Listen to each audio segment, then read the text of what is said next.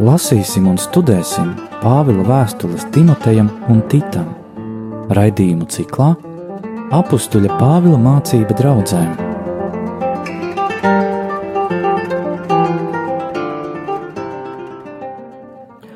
Slavēts Jēzus Kristus, mūžīgi mūžos slavēts, studijā atkal ir Stela un Anģela. Iepriekšējā gadā mēs beidzām pētīt tādu sarežģītu vecās derības grāmatu, kā Ecehila grāmata, kaut gan mēs varējām pat pusotra gada laikā redzēt tikai nelielu daļu no šī atziņu krājuma, no tās bagātības, kas tur ir, bet iespējams, ka varējām saprast, ka saprotot galvenos simbolus un veidu, kā Bībeles autori pastāsta par Dieva atklāto patiesību, mēs kaut ko vairāk arī varējām saprast. Par to, kā Dievs darbojas vēsturē un katra cilvēka dzīvē. Bet tagad mēs pievērsīsimies jaunajai derībai un pārdomāsim trīs nelielas apstuļa Pāvila vēstules, tas ir pirmā vēstule un otrā vēstule Timotejam un vēstule Titam.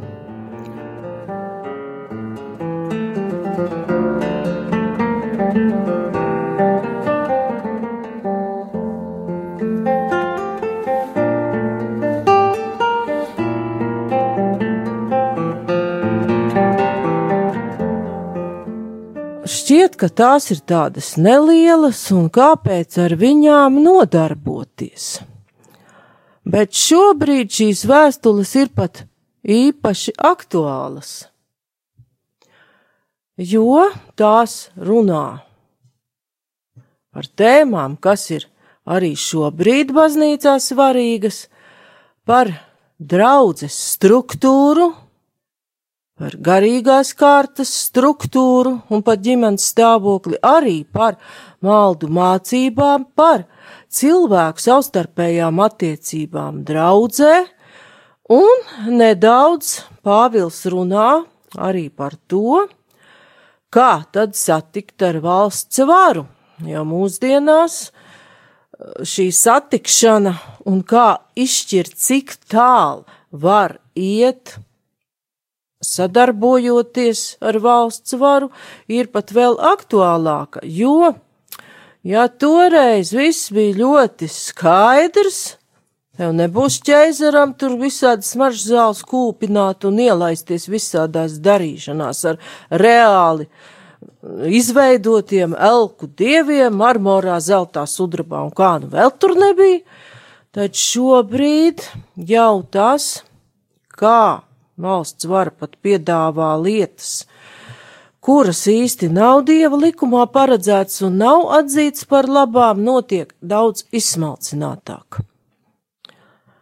Bet, lai sāktu iedziļināties Pāvila tekstos, kur dažkārt mēs atbildi pat neatradīsim, var būt tā, kā gan mēs šeit abas ar Anželu gan arī klausītāji, jūs visi, kas klausīsieties, nonāksiet pie tā paša, ka Pāvils būtībā liek uzdot jautājumus par to, kas notiek baznīcā, kas notiek varbūt arī mūsu pašu dzīvēs, kad mēs esam draudzē, kā mēs paši veidojam savas attiecības ar cilvēkiem draudzē, ārpus tās, arī ar tiem pašiem valsts pārstāvjiem, kas nereti ir dažādi ierēģi un dažādās situācijās, kuras ne katreiz viegli ir atrisināt.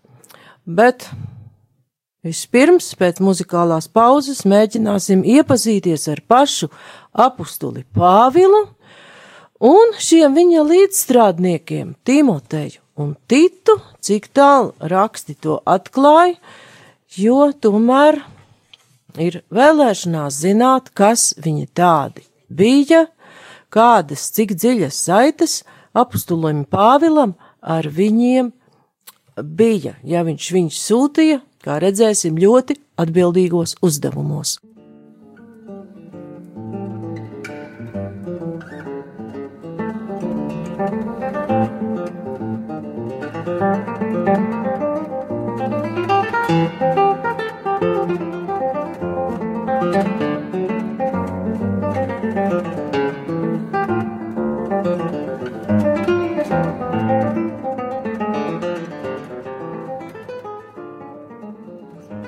Pašu apakstuli Pāvilu diezgan daudz var uzzināt. Apakstuļu darbos. Pilnīgi pareizi apakstuļu darbos, kur vispirms tie notikumi liecina viņam stipri vien par sliktu, jo mēs varam atcerēties, ka vispirms Viņu jau nesauc par Pāvilu, viņš bija Sauls no Tarsas, un viņš kristiešus vajāja.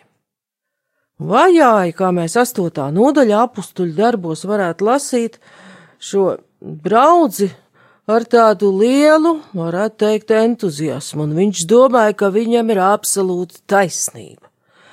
Un, ja atceramies diakona Stefana nomētāšanu ar akmeņiem, tad arī tur Toreiz vēl saules no Tarsas nekur tālu nebija, jo septītā nodaļa apstuļu darbiem darbos mēs varam 58. pantā lasīt, kā notika ar Stefanu, un izgrūduši no pilsētas ārā nomētāja akmeņiem, un liecinieki savas drēbes nolika pie kāda jaunekļa kājām, kura vārds bija Sauls.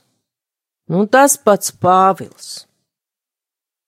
Pāvilam, kā mēs lasām astotā nodaļā apstuļu darbos, jau saulam viņa nāve bija ļoti paprātam.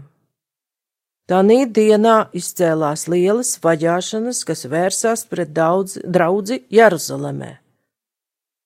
Un visi izklīd pa jūdejas un samarijas novadiem, izņemot apstuļus. Tā tad diezgan slikta biogrāfija it kā no šī brīža no tā, ko mēs tur izlasījām.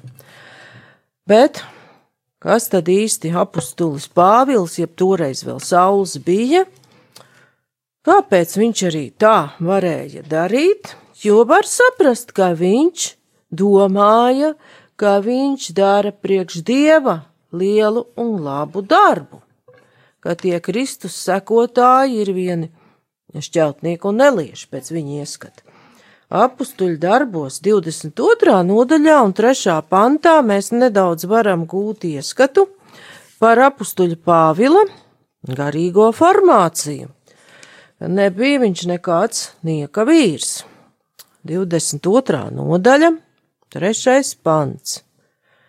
Un tur jau to mēs uzzinām epizodē, ka apustulis Pāvils jau ir apustulis Pāvils, ir veicis misijas ceļojumus, un tie paši vecās derības jūdi, ar kuriem viņš gāja iepriekš un vajāja kristiešu draudzi, nu ir pret viņu, jo Pāvils ir kristietis, un savā aizstāvēšanās runā Viņš saka, es esmu jūts, dzimis Tarsā, Kilikijā, bet uzaudzināts šī pilsētā, izglītojies pie Gamaliela kājām, pilnībā tēvu bauslībā mācīts, tikpat dedzīgs dievam, kā jūs visi šodien. Šo ticību esmu vajājis līdz nāvei, saistīdams un nododams cietumā vīrus un sievas, kā man to var apliecināt augstais priesteris un visa vecajo padome. No tiem arī dabūjis vēstules brāļiem Damaskā, devos ceļā, lai apcietinātu tos, kas tur atradās, un vestu uz Jeruzalemes sodīt. Nu, un tālākajā aizstāvēšanās runā Pāvils dod liecību par satikšanos uz Kristu, uz Damaskas ceļa. Bet šeit ir pietiekoši daudz, lai mēs saprastu, kāpēc Pāvils tā rīkojās. Viņš ir jūts, izglītojies pie gamaliela kājām. Varbūt par to gamalielu arī kaut kas ir dzirdēts. Ievērojams rakstu mācītājs.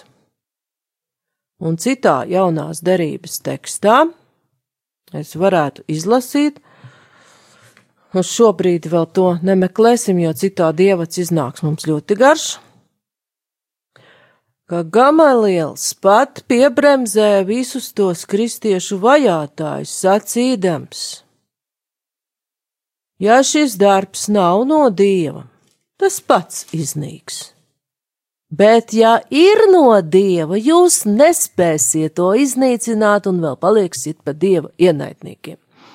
Kā doma es atceros, runāju no galvas, varētu teksts būt neprecīzs, bet jēga ir tieši tāda, ka šis rakstu mācītājs, pie kura Pāvils ir mācījies, dod ļoti gudru padomu lai pats Dievs izšķir, vai Kristus mācība ir dzīvotspējīga vai nē. Nu, tad var saprast, ka Pāvils varbūt pie Gamaliela mazliet visos viņu vārtos nebija. Ieklausījies, ja jau bija tik dedzīgs kristiešu vajātājs. Bet tā tad galveno mēs saprotam, ka viņš ir jūts, farizējs, mācījies pie ievērojama rakstu mācītāja, tātad ieguvis savam laikam ļoti labu reliģisko izglītību. Pat tad var ņemt vērā to, ko viņš dara, un saka, jo vēlāk jau viņa šajā zināšanās ienāk Kristus, var teikt, ka viņš savā izpratnē par Dievu tikai ir ieguvis, kļūstot kristietis un pilnīgojies.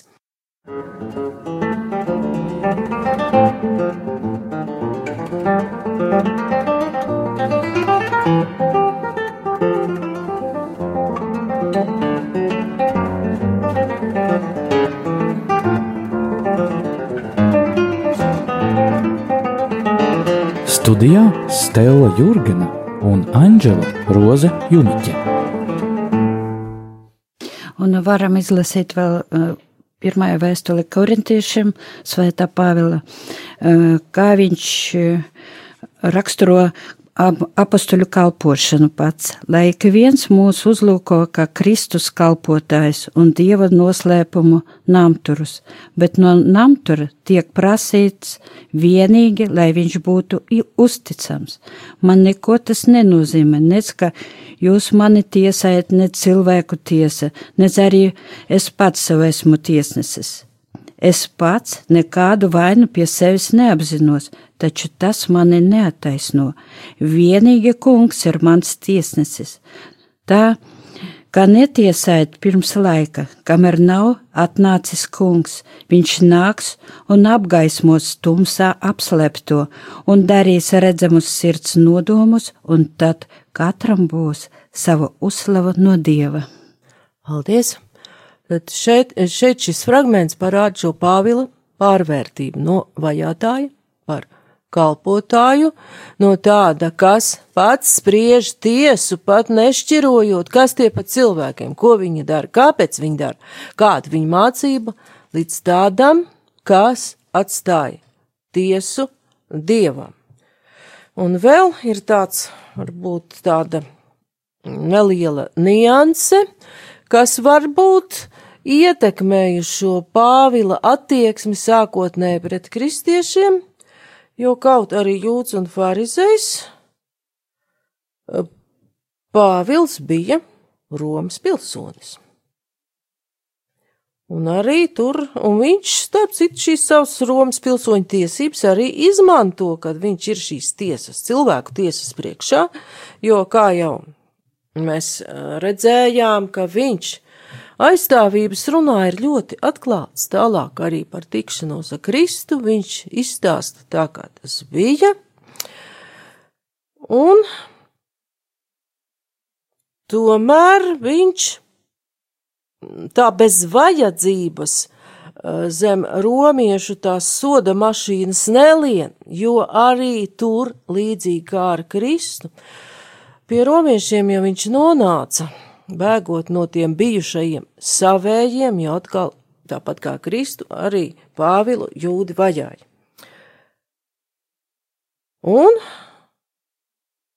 kad viņam draud jau šaustīšana, Pāvils pasaka uzreiz.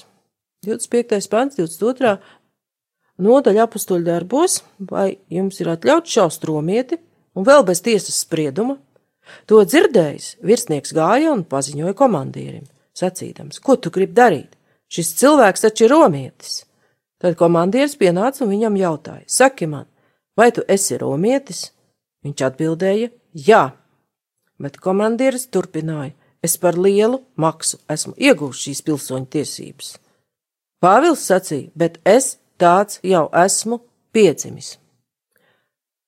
Tātad kopā ar Anģēlas tekstu mēs redzam, ka Pāvils kaut arī aicina uz, paļauties uz dieva tiesu, vienlaicīgi, kad viņš ir nonācis cilvēku tiesas priekšā, jo mēs ļoti labi saprotam, ka viņš tur negāja kārtot kādas savas personiskās darīšanas, bet viņš tur nonāca, lai aizstāvētu savu ticību, ka viņš spēja rīkoties gudri un ka viņš, kā redzam, pārzina ne tikai reliģiskos likumus, nepa, ne tikai Kristus mācību un vecās derības mācību, bet ka viņš pārzina arī Romas likumdošanu. Tātad Pāvils ir bijis ne tikai dedzīgs ticības vīrs, bet bijis arī laicīgās lietās izglītots un gudrs cilvēks. Līdz ar to varam no viņa mācīties. Arī varam izlasīt no pirmās vēstules korintiešiem. Kristus mani nesūtīja kristīt, bet sludināt evaņģēliju, un ne jau gudriem vārdiem, lai neiznāktu tā, ka Kristus krusts ir bez nozīmes. Paldies! Un šis teksts attiecas tieši uz Dieva vārda sludināšanu. Dieva vārda, un jā. Pāvils ļoti priecīgs, un ka viņš var sludināt evaņģēliju, ka viņam uzticēja Dievs tādu kalpošanu. Un jā. Tur tas viņa teksts parāda tādu paļāvību uz svēto garu, ka viņš dažkārt pat nezina, ko viņš teiks, kā evaņģēlijas pat Kristus pats ir sacījis, kad jūs vedīs eh, cilvēku tiesnešu priekšā, tad nedomājiet, ko jūs teiksit. Un no tā mēs varam secināt, ka arī tā epizode, ka Pāvils atceras par tām pilsoņu tiesībām, cīm redzot, arī tur viņš rīkojas eh, dieva gara vadīts un pasaka to īstajā vietā un īstajā laikā ka viņš pats uz šīm zināšanām tik ļoti nepaļaujās.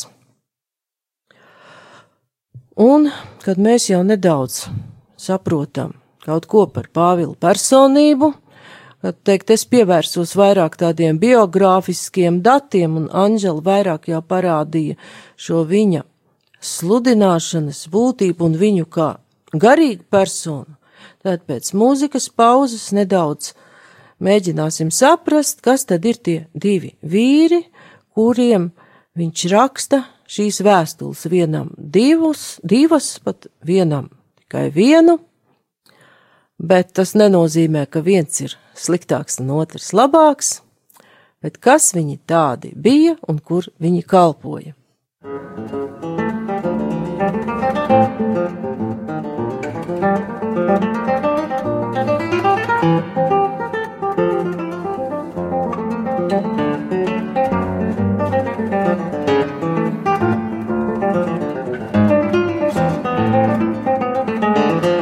Studijā Stela Jurgena un Anģela Roze Juniķe.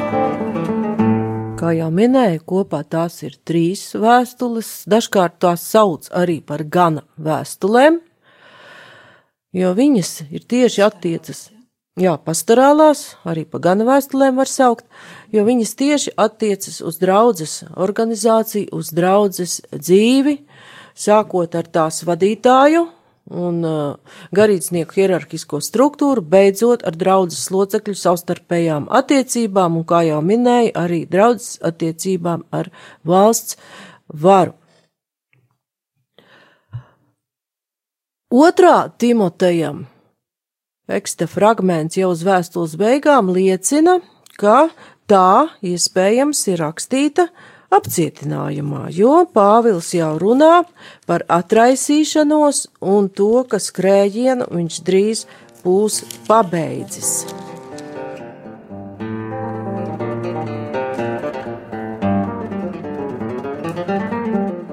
Un ko, ko un kādas ziņas tam mēs varam iegūt, ja mēs ļoti ilgi gribētu kavēties pie šī ievada, varētu iegūt datus pat no pašiem svētajiem rakstiem, kur un kad apustulis Pāvils ir kopā gan ar Titu, gan Timoteju, bet ko mēs varam tādu būtisko priekš mums paņemt no tā?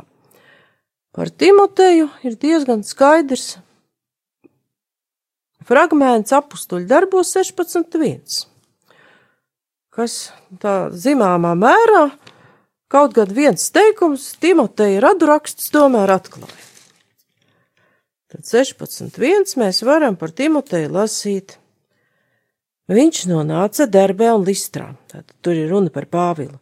Tur bija kāds māceklis, vārdā Timotejs, ticīgas jūdu sievas dēls, bet viņa tēvs bija grieķis.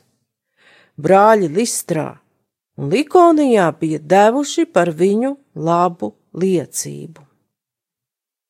Tā tad arī ar jūdu saknēm pēc mātes. Vecajā derībā arī šī mātes līnija bija ļoti svarīga. Tēvs grieķis. Tātad šis ir pirmais, šis Pāvila līdzstrādnieks. Otrais ir tic, cik var saprast, tas arī ir jaunatgriezts pagāns, bet viņiem abiem Pāvils veltīja ļoti lielu uzticēšanos, ko mēs varam redzēt jau pat no uzrunām, ar kādām viņš iesāk šīs vēstules. Vēl var minēt, ka visas trīs vēstules ir rakstītas klasiskā tā laika vēstuļu formā, tās ir ar uzrunu un arī ar nobeigumiem, vai nu pamācība vai sveiciens. Un te Jā, es tagad pareizi atceros, Anžela redzēja arī kāds paralēlis ar evaņģēlijiem un Jēzus attiecībām ar mācekli, kuru viņš mīlēja. Jā, es tagad izlasīšu no sākuma Pāvila vēstuli Filipiešiem, ka a, a, Pāvils runā a, pa Timotēju.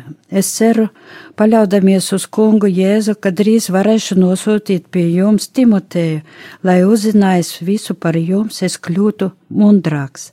Pie manis nav neviena cita, kuram no sirds rūpētu jūsu lietas tāpat kā viņam jo visi tiecas pēc sava labuma, nevis pēc tā, kas ir Jēzu Kristu.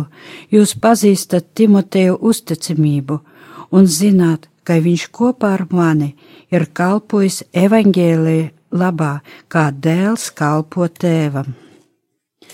Paldies! Nu, jo šeit ir ļoti labs Timoteja raksturojums. Un te varam arī, kā dēls, viņš ir raksturots Anģels nolasītajā fragmentā, un arī pirmā vēstule Timotejam iesākas ar vārdiem Timotejam, savam īstam dēlam, ticībā. Un trešais pāns mums liecina, ka Timotejs tiek lūgts palikt Efezā. Un Efeza, ja mēs atceramies arī atklāsmes grāmatu, bija, nu, draudze arī ar problēmām. Efezā bija rakst, arī Artemīdas templis, uh, kā arī izplatījās maldu mācības. Tātad Timotejs tika sūtīts uz tādu sarežģītu kalpošanas vietu. Un vēl otrajā vēstulē Timotejam tur arī viņš iesāk Pāvils šo vēstuli ar uzrunu Timotejam, savam mīļam dēlam, žēlastību, apžēlošanu, miers no Dieva tēva un Kristus Jēzus mūsu kunga. Tā tad šis cilvēks ir ļoti tuvs, un vēl mēs varam atrast, kas viņš varētu būt bijis. 1. Timotejam 4.14. Un kāpēc tad viņš tiek sūtīts? Nenicini dāvanu, kas ir tevī, kas tev tika dota ar praviešu vārdiem toreiz, kad presbiteri uzlika tev rokas. Tā tad presbiters.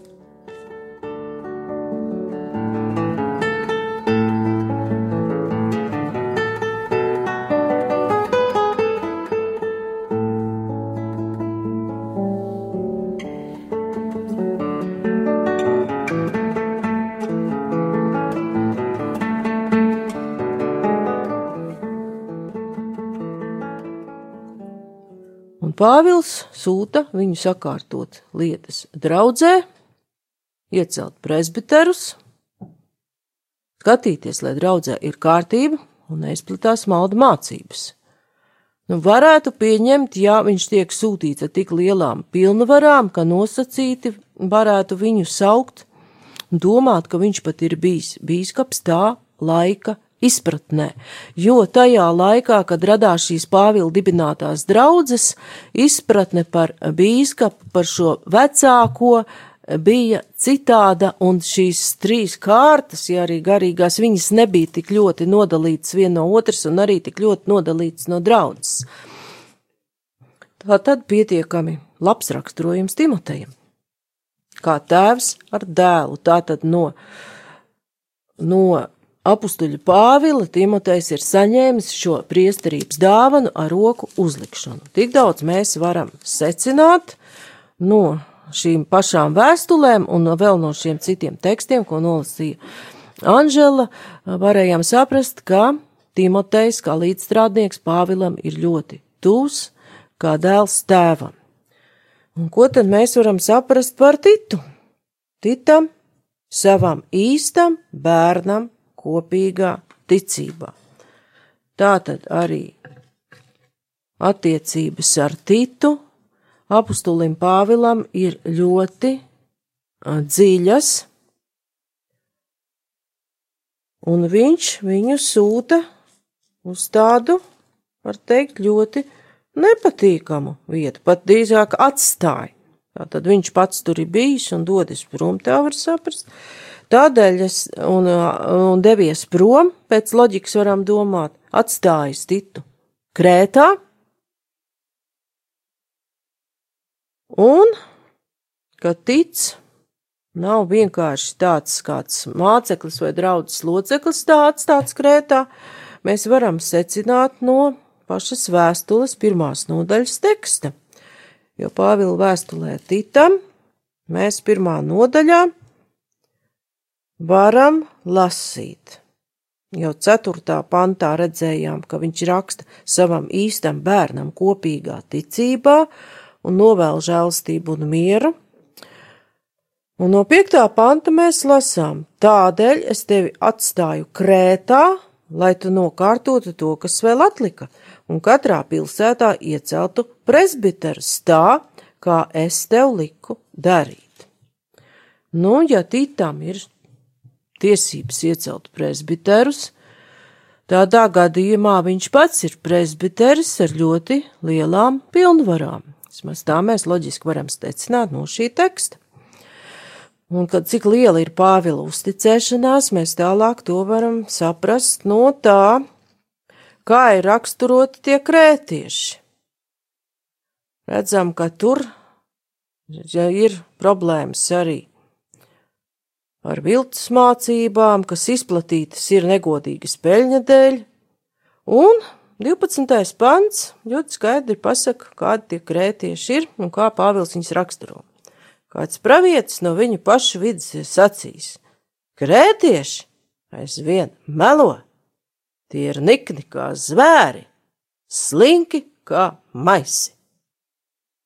Nu, tad šādiem cilvēkiem, pie šādiem cilvēkiem ir atstāts tic, lai uzturētu draudzi dzīvu un cīnītos ar tām sliktajām negatīvajām parādībām, kas tur ir parādījušās, jo cilvēks, no kādas tautas viņš ir nācis, kaut kādas iezīmes labas un sliktas, viņš tomēr saglabā.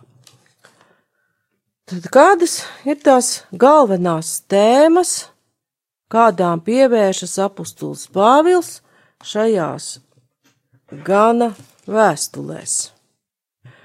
Viņš rūpējas, ir rūpēs, ļoti norūpējies par veselīgās mācības saglabāšanu, kuru ir saņēmis no Kristus. Viņš rūpējas arī par draudzes struktūru, tās garīgo vadību.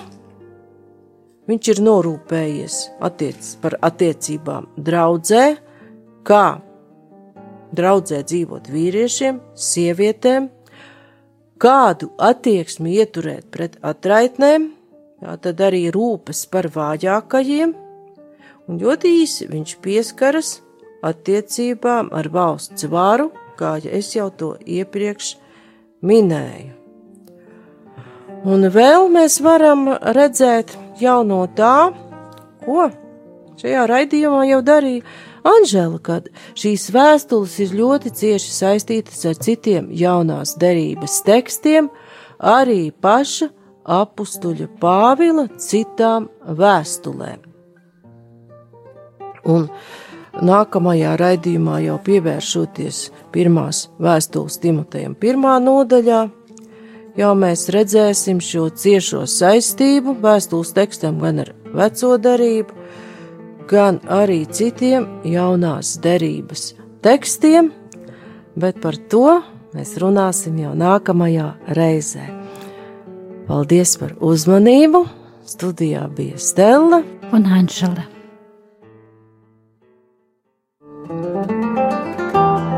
Apustuļa Pāvila mācība draudzēm.